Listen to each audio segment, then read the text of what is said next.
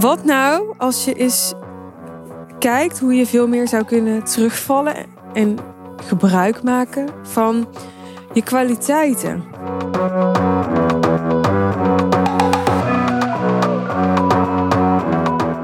Ik wil het met je hebben over de distinctie tussen je vaardigheden, je skills en je kwaliteiten. Want er zit een interessante paradox, denk ik, in high-end werken met klanten. Die hier alles mee te maken heeft met die distinctie. Want er is gewoon heel lang en heel vaak bij ondernemers die hun klanten op de best mogelijke manier willen helpen met hun high-end aanbod. Een overtuiging, hè, al dan niet uh, onbewust of wat meer onder de oppervlakte, dat zij wel heel, heel erg ja, veel moeten doen of, of hard moeten werken, heel erg uh, hun best moeten doen. Um, om het te verdienen, om zo goed betaald te krijgen, om het te verdienen, om met klanten op dat niveau te mogen werken. Om het um, zichzelf toe te staan om zo'n high-end aanbod te verkopen.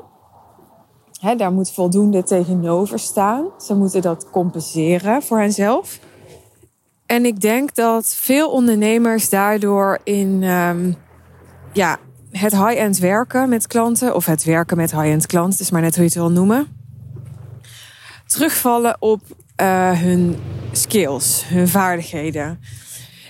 En wat ik daaronder versta, is alles wat ze hebben uh, geleerd en ontwikkeld. Hè. Dus dat kunnen bijvoorbeeld uh, copywriting vaardigheden zijn. Hè, dat kunnen vaardigheden zijn op het gebied van finance, als je je klanten daarmee helpt. Hè, stel je bent Profit First expert of zo. Het is ook een soort vaardigheid natuurlijk om zo'n methode te kunnen implementeren. Um, ja, andere vaardigheden zijn bijvoorbeeld um, NLP. Dat is ook zo'n soort methode. Uh, hypnose. Maar um, ja, misschien heb jij wel massages in je aanbod zitten. Hele speciale massages. Het kan van alles zijn, hè? Dus, dus alle ja, vaardigheden die je hebt geleerd. Maar wat nou als je eens kijkt hoe je veel meer zou kunnen terugvallen en gebruik maken van je kwaliteiten. Ik denk dat kwaliteiten dingen zijn die, die heel natuurlijk aanwezig zijn, waar je voor een groot deel mee bent geboren, die je misschien voor een ander deel ook wel hebt ontwikkeld gedurende je leven. Maar die maken dat dat jij al goed genoeg bent. Elk mens heeft kwaliteiten. En, en wat zo mooi is aan kwaliteiten is, die zijn er gewoon. En in tegenstelling tot vaardigheden zijn vaardigheden denk ik dingen waar je altijd beter in kunt worden en waarvan je ook altijd anderen kunt vinden die daar nog beter in zijn. er zijn altijd anderen die, die nog beter piano kunnen spelen. Behalve als je de allerbeste pianist eh, van de wereld bent. maar voor bijna iedereen zijn er altijd anderen die, die nog net iets beter zijn daarin. En je zou misschien kunnen zeggen, ja, maar zus, dat geldt toch voor kwaliteiten ook? Er zijn toch ook andere mensen die die, die kwaliteit nog net iets meer hebben? Ja, zou kunnen. En toch denk ik dat je kwaliteiten um, maken dat als je daar veel meer oog voor gaat hebben, dat je ook veel meer kunt gaan zien en ervaren um, dat je al goed genoeg bent om dat geld te mogen vragen. Dat je al goed genoeg bent om die klant op een hoger niveau te kunnen helpen. Ja, dus het gaat dan niet zozeer over hoeveel ervaring heb je met een bepaalde skill? Of hoe lang ben je een bepaalde skill al aan het oefenen of aan het ontwikkelen? Nee, het gaat erom dat jij een bepaalde, ehm, ja, een bepaalde persoonlijkheid hebt, hè? Een, een bepaalde zienswijze, een bepaalde ehm, visie, uh, bepaalde talenten die maken dat jij heel erg van waarde kan zijn voor iemand. Ik denk dat, um, ja, dat bijvoorbeeld een kwaliteit van mij echt is dat ik, uh, dat ik een soort natuurlijke, um, ja, een natuurlijke hang heb of, of ja, speurneus heb of drijfveer heb naar naar waarachtigheid, naar een soort kernachtigheid, naar een, soort essentie. En, en ik denk dat dat echt een, een kwaliteit is en niet zozeer een, een skill, hè, een coachingsvaardigheid of zo, omdat dat iets is wat volgens mij altijd al in mij natuurlijk aanwezig was en waar ik me pas ja, later met soort terugwerkende kracht uh, bewust van ben geworden. En het, is iets waar ik niks voor hoef te doen. Ik hoef niet bewust in een soort uh, modus te gaan of een, een soort, ja, in een soort uniform te gaan zitten. Of mezelf niet eens bewust ergens ja, op, op af te stemmen of zo. Om, uh, ja, om uh, vragen te stellen bijvoorbeeld die leiden naar, maar waar gaat het hier nou eigenlijk echt over? En wat speelt hier nou eigenlijk echt? Het zijn overigens niet altijd vragen. Maar ja, ik, ik moet nu denken aan een specifiek voorbeeld dat ik uh, deze week met een klant had op de chat. Um, zij uh, uh, had ergens feedback opgevraagd. Maar de feedback die ze vroeg was eigenlijk feedback op, op de, de uitkomst. Die was gekomen uit het, het traject dat ze volgde, een traject dat ze volgde met iemand anders. En ja, waar het heel uh, voor de hand liggend was geweest dat ik gewoon mijn feedback en mijn mening of advies had gegeven op dat moment, ging ik eigenlijk als vanzelf een soort ja, uitzoomen, observeren observeren is iets wat ik echt al deed toen ik heel klein was. Dus als je het dan hebt over dingen die gewoon al natuurlijk aanwezig zijn. Nou, dat was eigenlijk altijd al natuurlijk aanwezig. Van, goh, maar ja, waarom stelt ze eigenlijk deze vraag? En is het relevant om deze vraag te stellen? En wat gebeurt hier nou procesmatig? En ja, en toen zei ik tegen haar van, ja, los van, van wat ik vind, ben ik eigenlijk wel benieuwd hè, waarom je dit vraagt en ook wat je nu van ons verwacht. Want ja, je hebt dit al met iemand anders besproken. Blijkbaar ben je nog ergens onzeker over. Dan vraag je een soort second opinion. Heb je straks twee meningen? Ja, wat als die meningen heel verschillend zijn? Wat vind jij dan eigenlijk zelf? En maakt het je dan niet verward? En welke mening weegt dan zwaarder voor jou? En, en dus, eh, en ik zei ook erbij, ik, ik heb er verder geen oordeel over, maar ik vraag me gewoon wel af van, heb jij voor jezelf helder waarom je dit nu, nu aanpakt zoals je het aanpakt? En het gaat nogmaals helemaal niet over goed of fout, maar ik herken het ook bij mezelf dat ik, als ik ergens zoekende in ben of onzeker over ben, of, dan is het heel makkelijk om, om aan twintig mensen hun mening te vragen. Maar het is ook echt de kunst om om daarin heel bewust te zijn. Bewust te zijn over wat vraag je aan wie en op welk moment. En um, wanneer helpt het jou nog om iemands mening te horen en wanneer eigenlijk helemaal niet. Nou goed, voordat ik helemaal uh, uh, verdrink in dit voorbeeld. Ik denk dat dit dus uh, een kwaliteit is van mij om, om heel goed te kunnen observeren en dan een soort diagnose te kunnen stellen. Of simpelweg gewoon een onderzoekende vraag te kunnen stellen. Over uh, wat er nou precies gebeurt. En ik denk dat dat is wat mij een goede coach maakt. En um, wat mij heel natuurlijk afgaat, nogmaals. Waar ik uh, gewoon totale moeiteloosheid in ervaar. Waar ik niet mijn best voor hoef te doen. Ik hoef niet mezelf tot de orde te roepen op zo'n moment en te denken: oh, voordat ik deze vraag beantwoord, moet ik wel eerst eventjes nadenken over of dat dit wel een, een, een relevante vraag is om überhaupt te beantwoorden. Nee, dat, dat gaat vanzelf. Dat is ook, ik zei al, van ik, toen ik klein was, toen was ik al veel aan het observeren. Maar toen ik wat ouder was en, en op de basisschool zat en op de middelbare school zat, toen vroeg ik al bij alles aan de, aan de leraar waarom?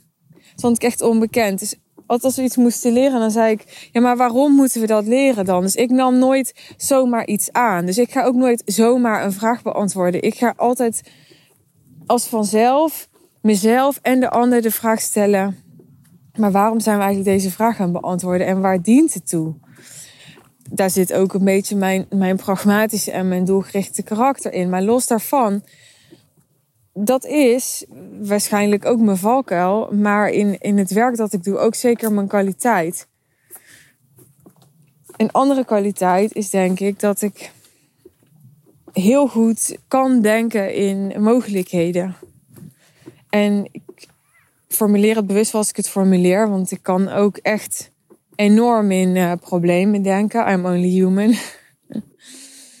Maar ik kan ook heel erg denken in mogelijkheden. En um, waar ik het voor mezelf uh, soms wel lastig vind om dat te doen. Het is een beetje het verhaal van uh, bij de loodgieter lekt het dak. Is dat dus iets wat, wat voor anderen ook weer een, een enorme kwaliteit is. Dat ik altijd mogelijkheden zie. En nu weet ik, dit zijn dingen die waarschijnlijk voor, voor meer en misschien ook wel voor heel veel coaches gelden. Ik heb heel veel coaches uh, horen zeggen als ik, als ik vroeg van, ja, wat onderscheidt jou nou van anderen?